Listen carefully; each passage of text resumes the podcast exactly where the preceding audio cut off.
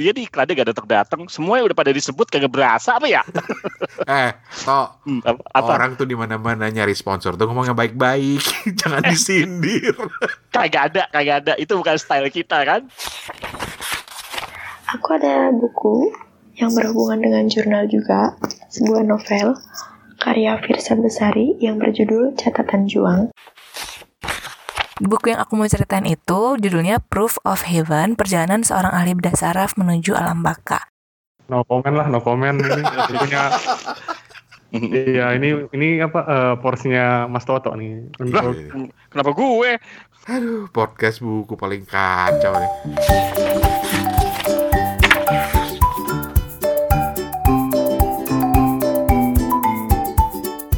Kita ketemu lagi di Kepo Buku. Eh, ini Direkam. belum direkam ya? Oh ya, direkam dulu. Toto tuh selalu baik hati mengingatkan. Enggak, gue gak baik hati. Gue ogah aja ngulang rekaman. gue sih, gue orang jujur, jujur gue. Jujur ya, asik. Ya wes. Dan eh, kepo buku kali ini ada dua misi sebetulnya. Yang pertama itu kita akan memutarkan kiriman dari tiga teman kita, teman baiknya kepo buku, yang mau sharing review bukunya.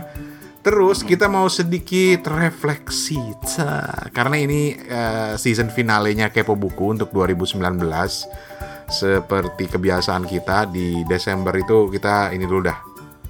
Eh, break dulu selama satu bulan ya nyari inspirasi nyari ide dan juga kalau gue sih karena banyak laporan tahunan yang harus gue kelarin Hmm, Emang lo accountant apa pakai bikin laporan tahunan? ya pokoknya banyak laporan laporan planning tahun depan segala macem namanya juga masih jadi budak korporat Susah emang kalau orang kerja kantoran ya. Iya emang. Tapi ya begitulah. Pengen sih suatu saat nanti nggak usah kerja kantoran jadi bisa rekaman kepo buku tiap hari gitu kan. Baca buku rekam, baca buku rekam gitu kan. Lu aja rekaman sono lo. Jontor, jontor bibir lo. Gue mau nggak ikutan. Itu itu mim- mimpi gue loh. Gue tuh pengen gitu ya baca buku dibayar gitu. baca buku, nge-review gitu kan. Itu ya. mah gampang. Jadi editor aja. Jadi edit. Iya iya bener ya. Kalau nggak jadi wartawan ini, wartawan khusus rubrik seni.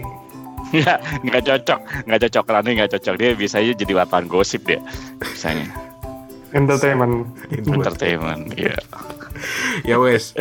Jadi itu dua hal itu. Jadi karena ini season finale, kita akan kembali melihat ke belakang lagi, mau tahu lagi buku yang paling berkesan buat tiga host kita apa. Uh-uh. Episode episode kepo buku yang paling berkesan apa. Terus mau Ah. ngapain rencananya segala. Emang kita udah ada rencana untuk tahun depan belum ada ya? ada. Ada tapi rahasia masih kan. ada rahasia. Masih rahasia. Gitu. Eh, Kan di season kedua ini kita udah kedatangan iklan kan ya. Iklan. Uh, sombong. Belum ya? Emang udah ya? belum ya, belum ya. Oh, belum. Ya di iklannya gak datang-datang. Semuanya udah pada disebut kagak berasa apa ya? Tahu nih, pada kagak berasa disindir-sindir gitu loh. Gramedia juga nggak berasa-berasa. Gimana Tahu sih nih? Nizan juga gitu, nggak ada se- ininya, nggak ada sensi-sensinya. iya deh. Eh, toh Hmm, apa? orang tuh di mana-mana nyari sponsor tuh ngomong yang baik-baik, jangan disindir. Kagak ada, kagak ada. Itu bukan style kita kan? Oh, Itu iya. bukan style kita. Oh, iya. Enggak. Tahu nih Gramedia nih gimana nih? Rugi lo pada gak pasang iklan sama kita. Timbang ngasih buku juga kagak. Eh, Iya. gimana sih pada orang-orang Terus orang Gramedia nanya, emang lu pernah minta? ya kagak. Tapi kan udah gue sindir. Kan udah disindir nih kepo buku. Udah sindir lu gak berasa. Terus orang Gramedia, orang penerbitnya bilang, emang kita dengerin? Salah lu gak dengerin. Rugi-rugi di lu. Aduh, podcast buku paling kacau nih. Ya wes, eh, kita mulai dulu. Pokoknya ada tiga orang teman pendengar kepo buku yang udah ngirimin, udah lama sebenarnya ngirimin, tapi kita simpen dulu. Ada Lili di Bogor, ada Rauda di Depok, dan ada Soli. Soli di mana ya? Lupa gue di mana. Kita putar dulu dari Lili di Bogor ya. Boleh. Van, lu pernah dengar nama Firsa Besari belum? Gue nggak mungkin nanya Toto karena Toto pasti nggak tahu. Hmm? Youtuber dia, youtuber. Firsa Besari itu youtuber. Iya, Wah, keren dong. penulis. penulis, penulis Iya. dan akhir jadi karena buku yang mau di review sama Lili ini adalah bukunya Firsa Besari. Jadi gue gue cari tahu dong. Ternyata dia itu salah satu eh, orang yang berada di belakang komunitas pecandu buku yang lumayan gede sekarang udah ratusan ribu anggotanya Oh, gitu. Dan dia juga seorang penulis seorang musisi juga. Hmm, youtuber gue malah baru tahu ntar cari ah. Kita subscribe. ketahuan tuanya kagak nger- kagak kenal. Karena kat- eh, kata teman-teman sih eh, Firsa Besari ini sekarang lagi lagi lagi ngetop lah lagi dikenal banget gitu. Janji abis ini gue coba cari tahu lebih jauh lagi lah. Tapi Lili Lili Hasliana di, di Bogor itu mau bercerita tentang buku catatan juang karya Firsa Besari ini satu dari sekitar lima buku kalau nggak salah yang sudah ditulis oleh Firsa Besari kita dengerin Hmm, hmm. Halo Kepo Buku, aku Lili dari Bogor. Aku baru dengerin episode 25 Kepo Buku yang bahas soal jurnal. Aku ada buku yang berhubungan dengan jurnal juga, sebuah novel karya Firsa Besari yang berjudul Catatan Juang. Sebenarnya Catatan Juang ini adalah spin-off dari album bukunya Firsa Besari yang berjudul Kolase atau Konspirasi Alam Semesta. Sebenarnya ceritanya sih bisa dibaca tanpa harus berkaitan gitu. Jadi kalau misalnya mau baca kolase dulu ya silakan. Kalau mau baca catatan juang dulu ya silakan. Tapi kalau misalkan mau baca dua-duanya, aku saranin sih baca kolase dulu. Soalnya di catatan juang ini ada spoiler buat akhir dari cerita si kolase. Di catatan juang ini bercerita tentang Kaswarina, seorang sales asuransi di salah satu bank. Dia ini ke beberapa bulan terakhir penjualan dia ini menurun. Kayak emang lagi benar-benar stres sama kerjaan gitu. Suatu hari Kaswarina pulang kerja, dia naik angkutan umum dan pas mau turun dia nggak sengaja nyenggol eh, satu buku bersampul merah. Dia nggak tahu itu pemiliknya siapa. Nah, diambillah buku itu. Dia liatin halaman awal sampai halaman depan skimming-skimming gitu, nyari pemiliknya siapa atau alamat atau nomor telepon yang bisa dia tuju buat balikin buku itu. Tapi dia nggak dapet. Akhirnya dia memutuskan untuk baca di halaman pertama dia ada ada kalimat kayak gini seseorang yang akan menemani setiap langkahmu dengan satu kebaikan kecil setiap harinya tertanda juang. Nah yang dia tahu nama juang aja. Dia nggak tahu juang itu siapa kerja di mana rumahnya di mana dia nggak tahu. Nah emang si Kaswarina kan emang lagi di titik jenuhnya kerja gitu ya. Nah mulailah dia baca si catatan juang ini dan dia mulai kayak termotivasi atau semangat lagi buat jalan hidup. Ya gitulah. Di setiap tulisan si Juang selalu ada yang bisa dipetik sama si Kaswarina ini. Aku mau bacain salah satu tulisannya si Juang. Judulnya kakimu bukan akar. Langkahlah. Orang-orang seperti kita tidak pantas mati di tempat tidur ucap Sogi suatu ketika. Benar saja Aktivis tersebut tidur dalam keabadian di Gunung Semeru. Dan sungguh, hidup penuh bahaya seperti Suhoki atau Christopher McCandless jauh lebih baik daripada hidup aman tapi terbelenggu dalam penjara kota.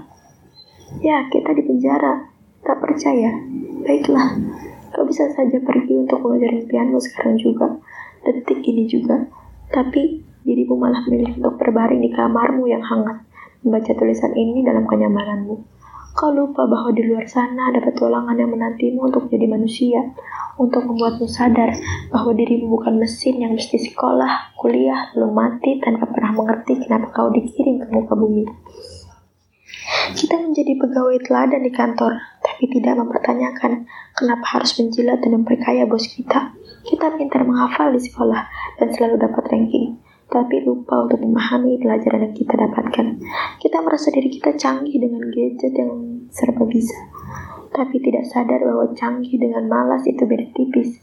Kita dicuci otak karena menghamba pada uang, tapi tidak melihat gambaran besarnya bahwa uang hanyalah alat, bukan tujuan. Kita didoktrin untuk menjadi makhluk egosentris, sampai-sampai tidak lagi memiliki hati nurani untuk menolong sama manusia yang tertindas. Kita diprogram untuk lupa bahwa di balik air bersih, botolan, dan makanan sehat awetan, selalu ada limbah dan asap pabrik yang mengotori lingkungan. Dan di balik obat-obatan, selalu ada korporasi yang ingin tubuh kita berketergantungan zat kimia. Kita senang sekali diam di tempat yang menurut kita paling nyaman, dan berhenti di titik di mana segalanya terasa begitu enak. Kita berkata, untuk apa pindah ke tempat lain? Sudah capek aku berusaha mendapatkan posisi yang sekarang. Untuk apa mempelajari hal baru? Yang penting aku bisa makan besok. Ayolah, bangun dari tidur lelapmu. Kau takkan ada di tempat kerjamu beberapa belas tahun lagi. Kau takkan ada di muka bumi beberapa puluh tahun lagi. Akan selalu ada orang lebih baik untuk menggantikanmu. Namun, alam raya akan tetap menyajikan keindahannya sampai kapan pun, menunggu untuk kau nikmati. Yakin kau masih betah berdiam diri di kamarmu? Yakin kau tak mau melakukan petualangan? Yakin kau tak merasa bahwa dirimu diciptakan untuk sesuatu yang lebih besar? Atau begini saja mudahnya, apa pun yang kau lakukan, pastikan hidupmu berarti. gimana, gimana, gimana? Mantap kan catatannya, jurnalnya. Mungkin ini bisa buat rekomendasi buat Bang Rane kali ya? Kan soalnya Bang Rane bilang katanya emang suka bikin jurnal. Kali aja memotivasi Bang Rane untuk bikin jurnal yang bisa memotivasi orang lain. Sih ya, ya walaupun Bang Rane bilang emang jurnal itu sifatnya privasi. Tapi sebenarnya si catatan juang ini sebenarnya mau diterbitin sama temennya si juang ini. Mau nambahin sedikit dong tadi lupa. Jadi buku catatan juang ini merubah mindset aku soal catatan harian atau dari atau jurnal ya. Dulu tuh aku mikir nulis catatan harian tuh kayak kegiatan yang banyak-banyak yang cewek banget ya apaan sih gitu. Tapi setelah baca buku catatan juang ini, nggak tahu kenapa jadi pengen nulis jurnal juga kayak juang. Mungkin bisa memotivasi orang. Ya mungkin nggak langsung buat dibaca sama orang mungkin kalau misalnya udah nggak ada gitu orang-orang pada baca kan ya gitu aja sih tambahannya ya udah sekali lagi makasih ya kayak buku Ya, Lili Hasdiana di Bogor, terima kasih banyak. Jadi, konsep bukunya menarik ya, tau ya, uh, Van? Mhm. Tapi gue belum baca sih, gue cuma baca sekilas doang. Maaf ya, Lu udah pernah baca? udah pernah lihat. Oh, udah pernah lihat. Makanya gue bilang, gue belum belum baca full, gue pernah lihat aja. Steven udah baca belum? Belum belum yang baru aku baca tuh bukunya dia yang lain Aralangka. Firsa Besari juga. Irsa Besari juga iya. Tapi ya dari ceritanya Lili tadi gue suka karena ini jadi Lili tuh tertarik sama episode 25 kita yang ngobrolin soal Hmm. buku harian. Terus dari situ dia mengingatkan pada bukunya Firsa Besari. Jadi eh, si catatan juang ini cerita tentang seseorang yang menemukan buku harian terus mendapatkan wisdom dari buku harian itu. Yep. Terus si Fir eh, si Firsa, si Lili juga tadi bilang jadiin buku aja tuh buku hariannya. Siapa yang mau baca buku harian gue? Kayak tergantung buku harian siapa. Kalau buku harian lo mendingan jangan dah. Eh, makanya, masa gue bilang catatan harian seorang podcaster? Alah, Eh, Steven juga punya buku harian. Eh enggak, Van ya? Eh lu nggak nulis ya, Van ya? Enggak, Buku enggak, harian? nulis, enggak. kirain sejak episode 25 jadi tergoda punya buku harian. gitu. Kirain Iya, Iya, belum, Van. belum. Buku dong, bikin dong buku harian, Van. Ngetren dikit.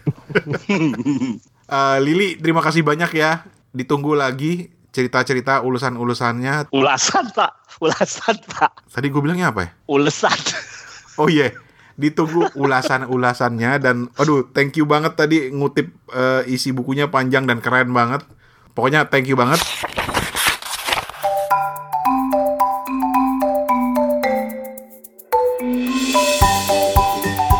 Sekarang kita sebelum beralih ke buku berikutnya, kita mulai dengan feedback. Eh, feedback. lu hari ini kenapa sih lu error? Lagi error, beneran gue lagi error. Lu pasti belum makan lo ya. Belum. Banyak tidur siang sih lu. Kagak, habis tidur bangun tadi tidur siang terus berenang terus belum makan. itu gara-gara itu tuh olahraga segala sih lo bisa kagak pakai olahraga sih. Tahu, biasanya nggak olahraga sih. Yaudah, mari kita merefleksikan ke belakang eh, tentang kepo buku. Gimana, Ven? Iya. Kepo buku setahun kita ini kita berhasil menelorkan 30 episode dengan ini 31. Berarti kita lebih produktif apa enggak nih? Lebih produktif. Oh, oke oke oke. Gue yang tetap gak produktif ya. Gue masih suka cabut ya. Tahu lo. Ya sebuah pencapaian ya. Pencapaian lo dengan segala kesibukan kita masih bisa uh, survive dengan 30 episode karena 2018 tuh kalau nggak salah cuma 18 ya, Ven ya. Hmm. Nggak sampai 20 episode kan. Tuh. Kalau Steven sendiri lo merefleksikan ke belakang perjalanan kepo buku gimana, Van? Eh, yang paling seru waktu kita bareng Mbak Opa, terus kita kedatangan eh, penerbit Haru juga. Terima kasih udah mau sharing gimana membuat penerbitan buku gitu ya Bang ya. Mm-mm. Kita jadi tahu dunia dunia novel Asia gitu. Yoi. Salut deh untuk usaha penerbit Haru untuk bikin yang beda gitu. Hmm. Dan kita juga kedatangan Mas Hikmat, shout out juga untuk beliau. Eh, mungkin lagi lagi banyak ini ya tentang isu revitalisasi tim, tapi kita nggak bakal bahas di sini. Dan juga kita apa eh, ngundang komunitas dari Agatha Christie, seru seru banget itu. Heeh. Mudah-mudahan di tahun depan lebih banyak lagi guest untuk kita ajak ya. Mm-mm, betul. Jadi nggak tiga om-om ini aja melulu yang ngomong ya. Iya betul. Hmm. Pos Santa juga terima kasih udah sempat kita undang. Eh, Oh iya. eh, Mas Teddy ya. Kalau Iya. penerbit Haru tuh Mas Andri. Terus juga Harry Potter yang waktu itu kita ngebahas Harry Potter juga seru banget tuh. Eh iya, tadi Steven mengingatkan. Kita mulai 2018 dengan host tambahan baru ya. 2019, 19. Eh 2019 Nah, dan pensiun dini. kalau buat para pendengar yang apa belum belum belum pernah nge kalau ada Mbak Opat nanti kita Hah? puter ya. Kita puter yang gila-gilanya aja.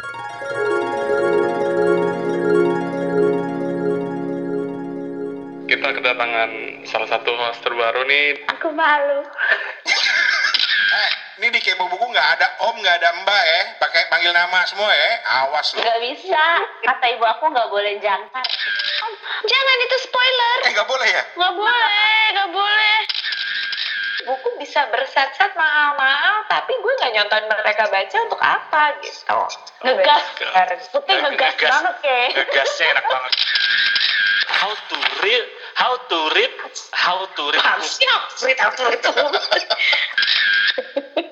Eh, lo gak percaya gitu om, gue ngomong kayak gitu. Tentu saja terima kasih eh, buat Opat yang sudah memberi nuansa di Kepo Buku yang selama ini hanya cowok-cowok semua. Walaupun kemudian dia eh, mundur karena berbagai kesibukan.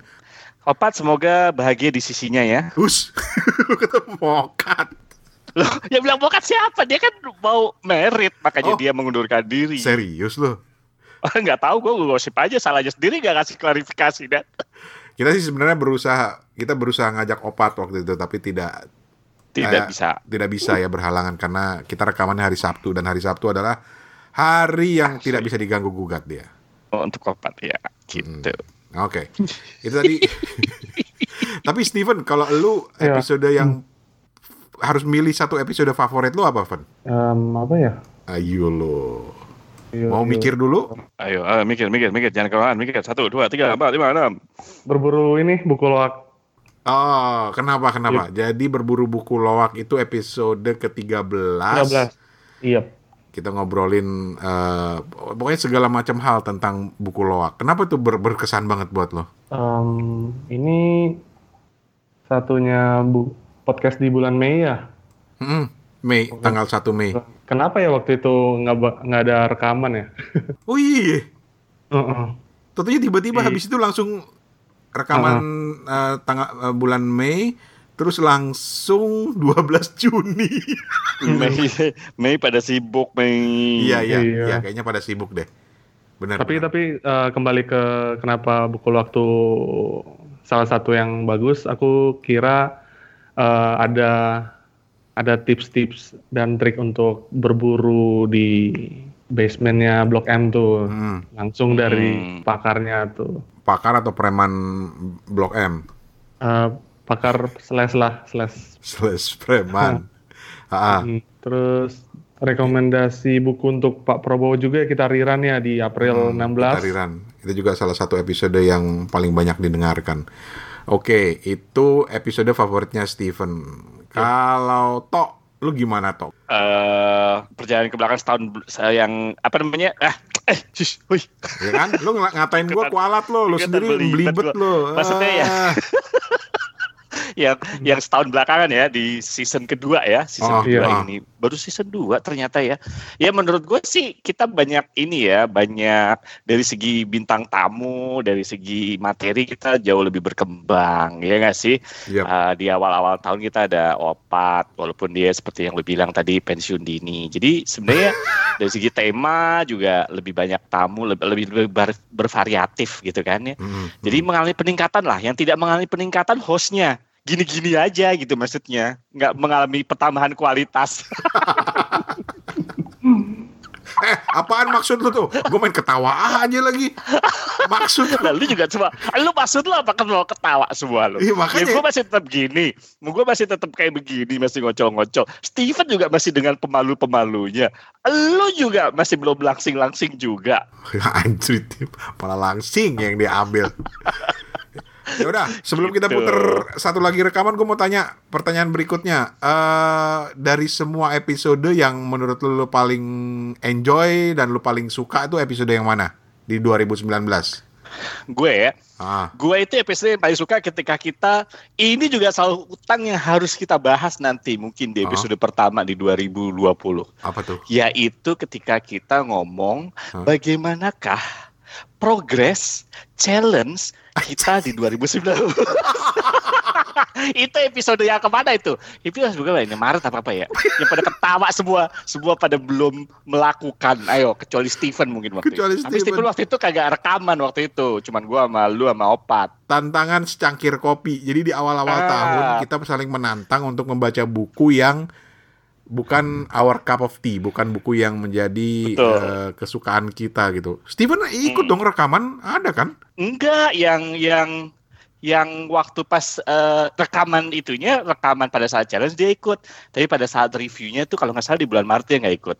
Kalau kita pada Hmm. ketawa ngakak, Iya, iya, iya. hmm. tapi kita tahu Steven udah udah selesai gitu. Belum, belum, belum, belum. Belum. Ah, belum ya? belum. Oh, belum juga. Iya, lu. Kacau lu pada lu. Parah nih nih podcast apaan sih?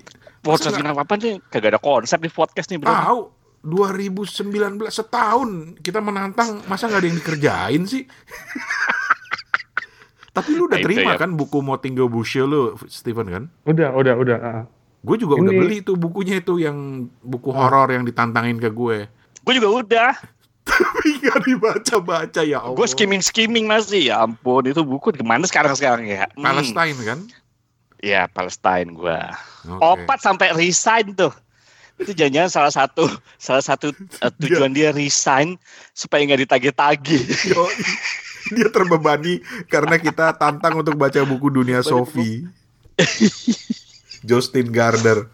Hmm, Kesian. itu paling itu yang menurut gua paling ini. Selepasnya sel- eh, di luar itu kayaknya banyak ya. Jadi kalau menurut gua nggak ada satu satu episode yang menurut gua paling favorit. Menurut gua paling favorit yaitu Hmm. semuanya yang rekaman sama Pos Hanta, rekaman dengan eh, narasumber yang lain sih menurut gua unik-unik gitu. Jadi gua nggak bisa kasih salah satu lebih tinggi dari yang lain. Gitu. Oke, mantap. Bijak lu toh, tumben. Iya dong, bijak. Sama jangan lupa kita banyak kiriman dari para pendengar ya. Pendengar. Para ah, itu gue suka banget. Paling seneng gitu eh, di antara banyak juga DM DM masuk gitu ke kayak buku Hmm. atau ke gue sendiri. Itu menurut gue apresiasi banget. Thank you ya atas apresiasinya, atas eh, partisipasinya juga. Jangan bosen. Iya, Walaupun la- lama nggak kita putar-putar, kadang-kadang kita sendiri juga. kita tapi kita baca kok. Kita kumpulin dulu. Tapi gitu. pelajaran lah buat kita karena kalau ngelihat kecepatan orang yang ngirim eh, reviewnya, kalau kita tungguin jadi lama kan. Jadi kayaknya emang Mm-mm. bagus kita selip-selipin aja di setiap episode begitu ada yang ngirim ya. Betul betul. Ya, daripada ditungguin nanti jadi keburu basi gitu. Kayak yang berikut ini yang akan kita puterin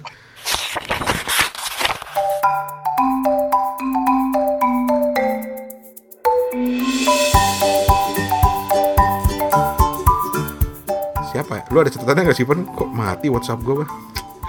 Eh, ini eh, Yang dari Depok. Di Depok. Oke, oh ya, oke ini dia nih. Rauda di Depok eh terinspirasi dari Toto Waduh, karena Toto pernah sharing buku kesehatan kan lu Tok.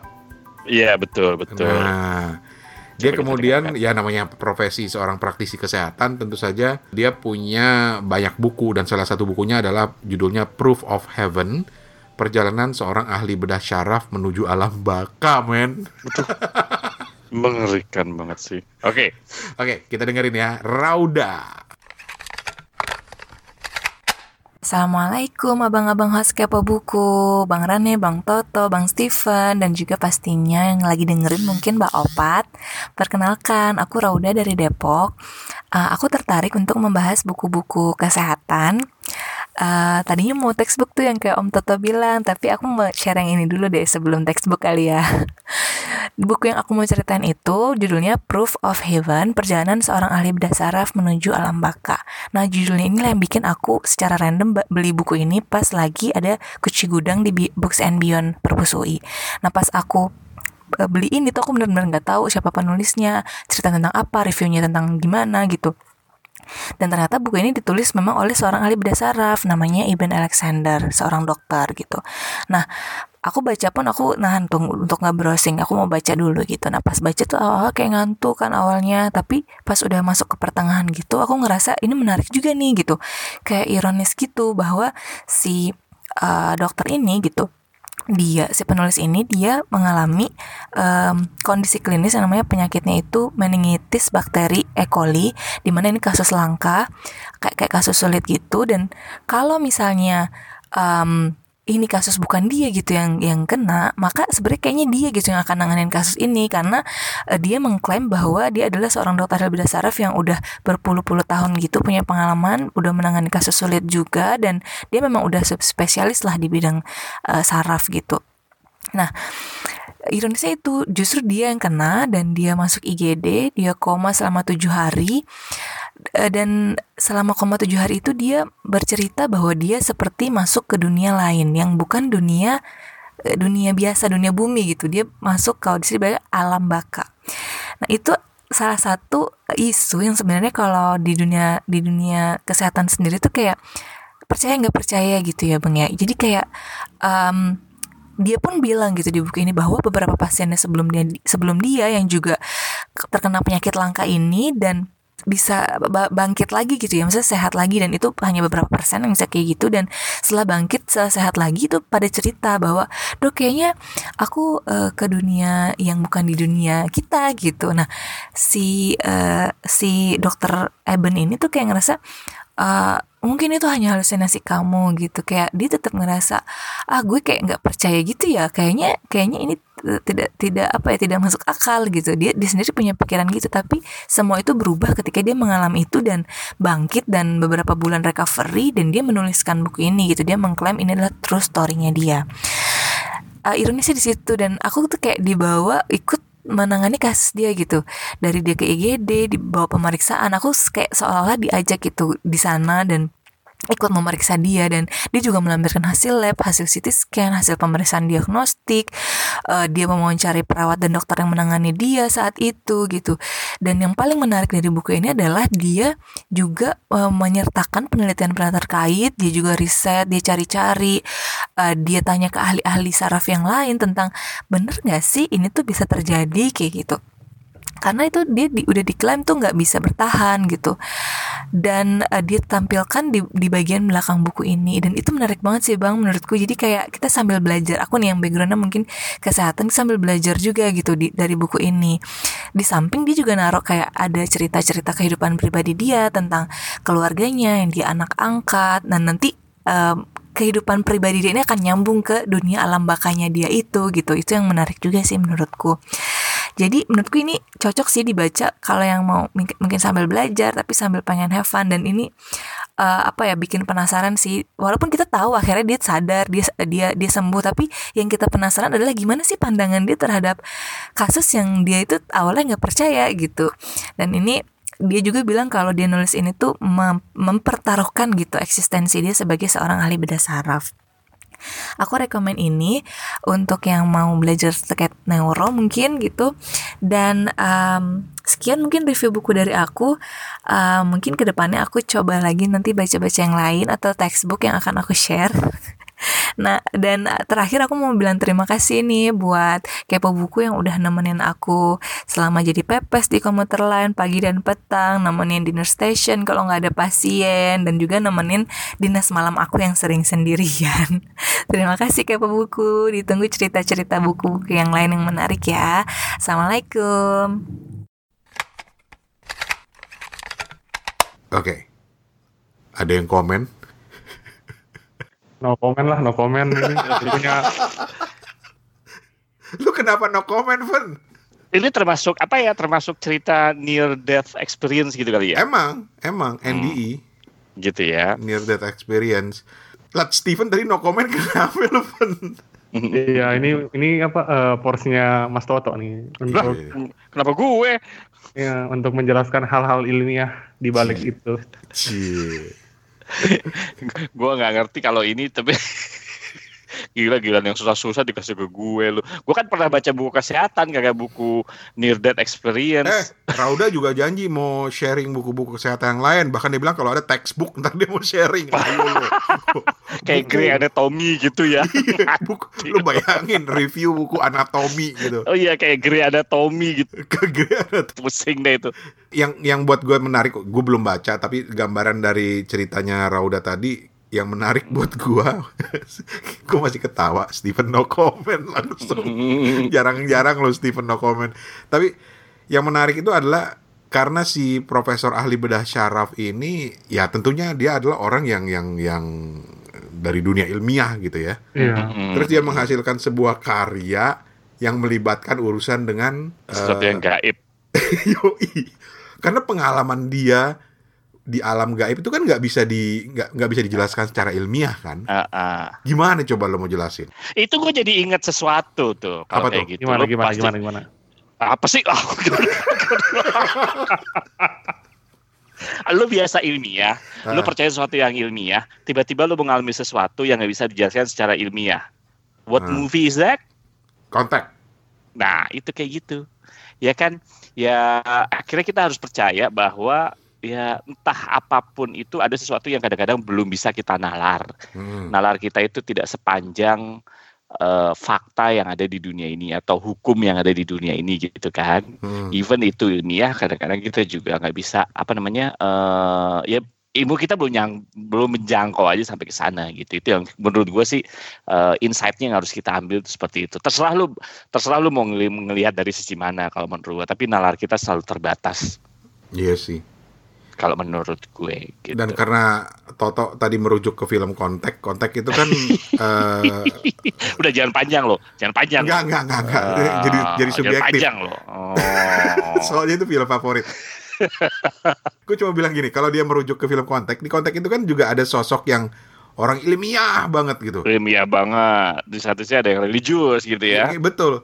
Tapi hmm. yang gue bikin gue ketawa adalah si si Jodie Foster ini, si Ellie Arroway ini, dia super ilmiah, dia sampai nggak percaya agama segala macam, tapi di di setting sedemikian rupa oleh penulisnya bahwa di akhir ketika dia harus menjelaskan perjalanan dia, pengalaman dia ketemu uh, makhluk luar angkasa, makhluk angkasa, iya. Itu semua harus didasarkan pada lu percaya aja dia sama gue.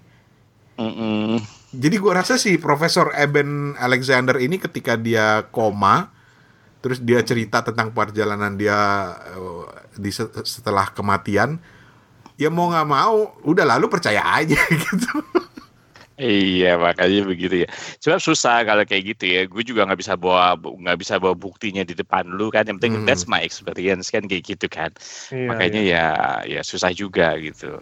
Dan gue jujur jadi tertarik loh sampai gue googling terus gue ketemu satu bahwa Profesor Eben Alexander ini pernah atau buku keduanya, yang pertama itu kan yang dibahas sama Rauda ya. Buku keduanya hmm. lebih serem lagi judulnya nih. Steven lebih no comment lagi pasti nih. Judulnya The Map of Heaven: How Science, Religion and Ordinary People Are Proving the Afterlife. Oh. Jadi dia udah merasa pergi ke afterlife, hidup setelah mati, terus dia kemudian cari temen nih. Ada nggak yang udah pernah gitu? mungkin, mungkin gua nggak tahu. dia, dia ngumpulin cerita yang lain karena banyak kan cerita orang yang pernah ngalami koma, Mm-mm. pernah, Banyak, banyak. pernah mokat gitu kan ya, terus tiba-tiba hidup lagi. Gitu. betul betul. Oke, Menarik, menarik. Rauda di Rauda, iya. Depok. Ditunggu eh, buku teksnya berikutnya tentang apa? Jarang-jarang lo kita kedapatan atau masuk list buku yang seperti ini loh. Yoi. Terima kasih banyak. Yoi. Dan itu yang gue suka dari Kepo Buku Fun. Hmm, Banyak buku-buku yang nggak terduga gitu loh. Iya. Ya. Banyak buku-buku yang menarik banget. Dan ternyata itu bisa menginspirasi yang lain. Seperti Rauda terinspirasi dari Toto yang waktu itu sharing buku tentang apa sih Tok? Penyakit kulit apa gitu ya Tok? Bukan, autoimun. autoimun waktu itu. Gua- iya. kulit. Iya, karena autoimun pada dasarnya akan berimbas ke sana kan. Ah, Ada ke eksima kayak gitu-gitu salah Hmm. satunya. Gitu. itu yang menarik dari Kepo Buku. Karena buku apa aja kita nggak pernah tolak, kita terima di sini. Kita terima. Kita juga baca pada dasarnya kita pembaca buku apa saja. Betul. Bahkan Hmm. waktu itu Toto udah hampir tuh cuma belum belum diwujudkan aja dia mau mengulas soal Apa? buku tulis. iya, gue bingung gue. Susah ternyata ngulas buku tulis tuh bener ya. Gue udah coba. Udah gue ringkas, udah gue ringkas-ringkas gitu susah juga. Lebih susah. Nggak ada tulisannya men. Susah bener gue. Steven juga waktu itu katanya mau ngulas ini kan sinar dunia. itu buku tulis juga. Nah, yang belum kesampaian di 2019 ini, eh, padahal gue pernah approach orangnya adalah ngebahas soal buku resep. Oh iya. Kan buku banyak tuh yang resep. menganggap remeh buku resep ya. Ya itu kan cuma Hmm. petunjuk-petunjuk cara memasak aja gitu. Tapi Iya, iya, iya. gue punya teman yang bahkan dia bisa cerita banyak tentang buku resep karena dia punya koleksi buku resep yang banyak banget. Ngomong-ngomong buku resep nih kemarin ya, kemarin aku download di apps ebook nyari ini tentang resep nasi goreng gitu. Kebetulan pengen masak nasi goreng gitu. Oke. Jadi Masa nasi goreng pakai jadi resepnya? iya.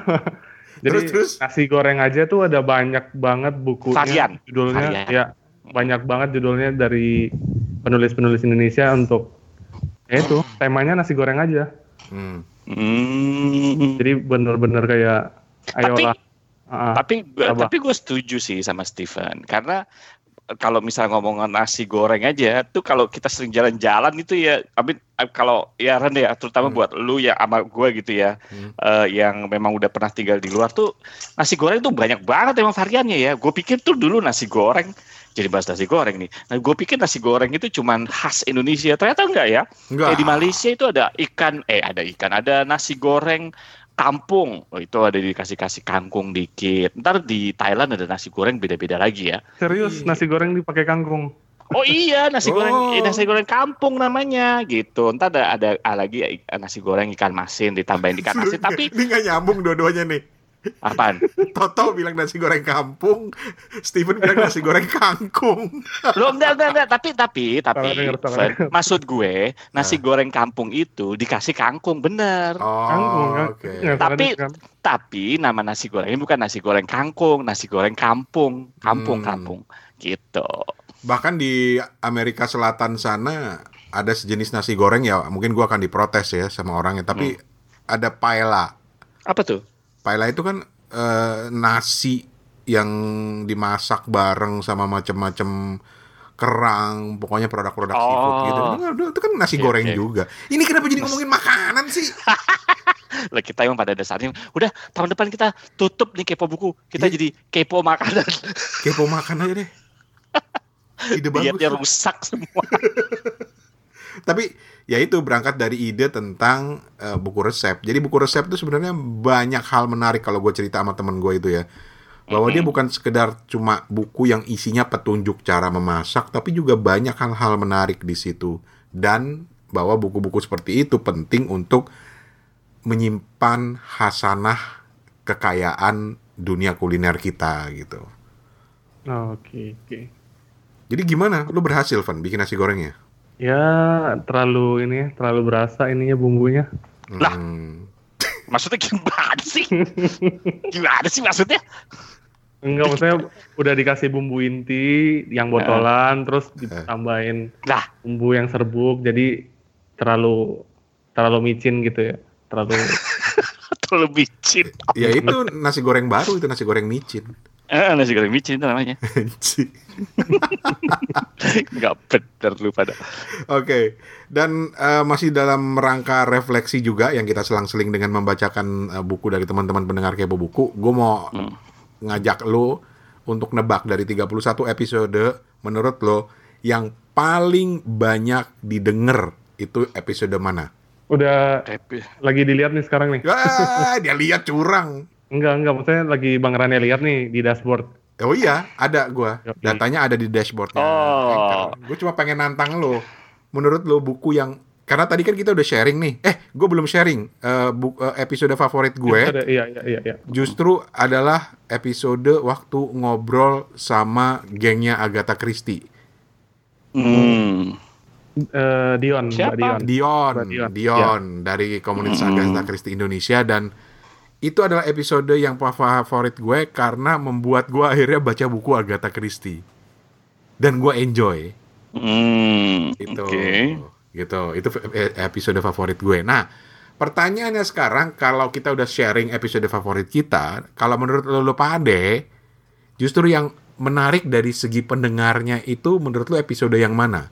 Menurut lo silahkan ditebak Menurut Menurut gue, Heeh. oh nggak tahu. Menurut gue yang Agatha Christie dah. Hmm, Oke. gue. Di luar, di luar, di luar, di luar rirannya Prabowo ya. Riran Ya. Prabowo dan oh itu Jokowi itu sih ya, ya. ya karena mu- lagi musim pemilu ya pasti laku lah banyak yang Ah. dengerin itu sampai hampir total tuh 2000 2000 lebih gitu yang dengerin serius Ah, 2000. iya. dari awal bukan rirannya aja Dari awal. Ya, ya, ya. oke kalau Steven Eh, tebakanku ada dua yang curang dia Ya, lu apa? Mana ada orang yang paling boleh. besar kok do. ya mungkin antara dua ini antaranya Ah. Egowok atau Eh, nggak boleh, nggak boleh, nggak boleh satu dulu, satu. ya udah sa- Satu, ya satu aja. eh, episode tiga kipas-kipas novel kipas-kipas oh yang ngebahas itu ya ngebahas bukunya Iya, Arrow iya Ah, ah, ah.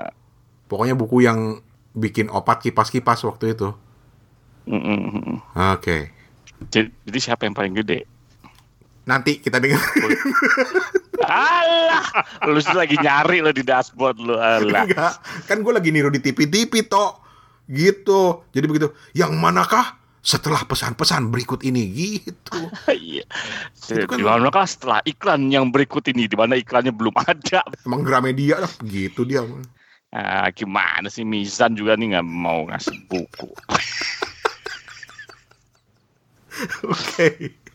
Oke. Eh, kita akan segera beralih ke buku berikutnya. Nanti nanti setelah itu kita akan ceritain deh buku apa apa episode apa yang paling laris. Episode mana? Hey, ini Rane. Sebelumnya minta maaf, bukan mau cari masalah. Karena ngegantung gitu aja. Tapi episode season finale 2019 dari podcast Kepo Buku ini terpaksa harus kita pecah jadi dua. Karena panjang banget dan saat gua ngedit, sayang banget. Banyak obrolan-obrolan menarik yang kalau dipotong tuh sayang banget. Jadi kita putuskan untuk memecahnya jadi dua. Jadi di episode berikutnya kita akan hadirkan kelanjutannya di mana nanti ada seorang teman baik kepo buku namanya Soli dari podcast Suka-Suka Soli yang juga akan berbagi ulasan bukunya. Buku apa itu ditunggu aja. Dan kita juga masih akan sharing tentang episode paling favorit di Kepo Buku itu apa sih yang tadi udah dijanjiin. Jadi sabarlah. Atau gini, teman-teman bisa kirim email ke kita atau ke WhatsApp ke kita 087878505012 atau ke suarane at gmail.com atau DM di Instagram suarane podcast. Ikut nebak. Menurut teman-teman yang rajin dengerin Kepo Buku, episode apakah di tahun 2019 ini yang paling banyak didengarkan? Menurut teman-teman apa? Nanti kita akan eh, umumkan kalau memang ada yang benar tebakannya ya.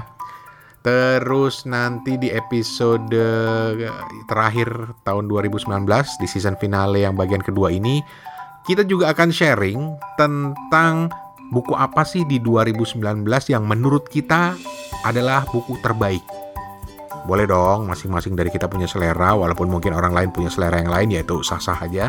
Tapi buku apa sih di tahun 2019 yang menurut Toto, menurut Steven, menurut gue adalah paling keren, paling bagus? Ditungguin lagi di episode berikutnya. Untuk sekarang, gue Rane Hafid atas nama Steven di Ambon dan Toto di Singapura. Dan juga atas nama Lili di Bogor dan Rauda di Depok. Pamit. Ketemu lagi ya minggu depan. Assalamualaikum. Permisi.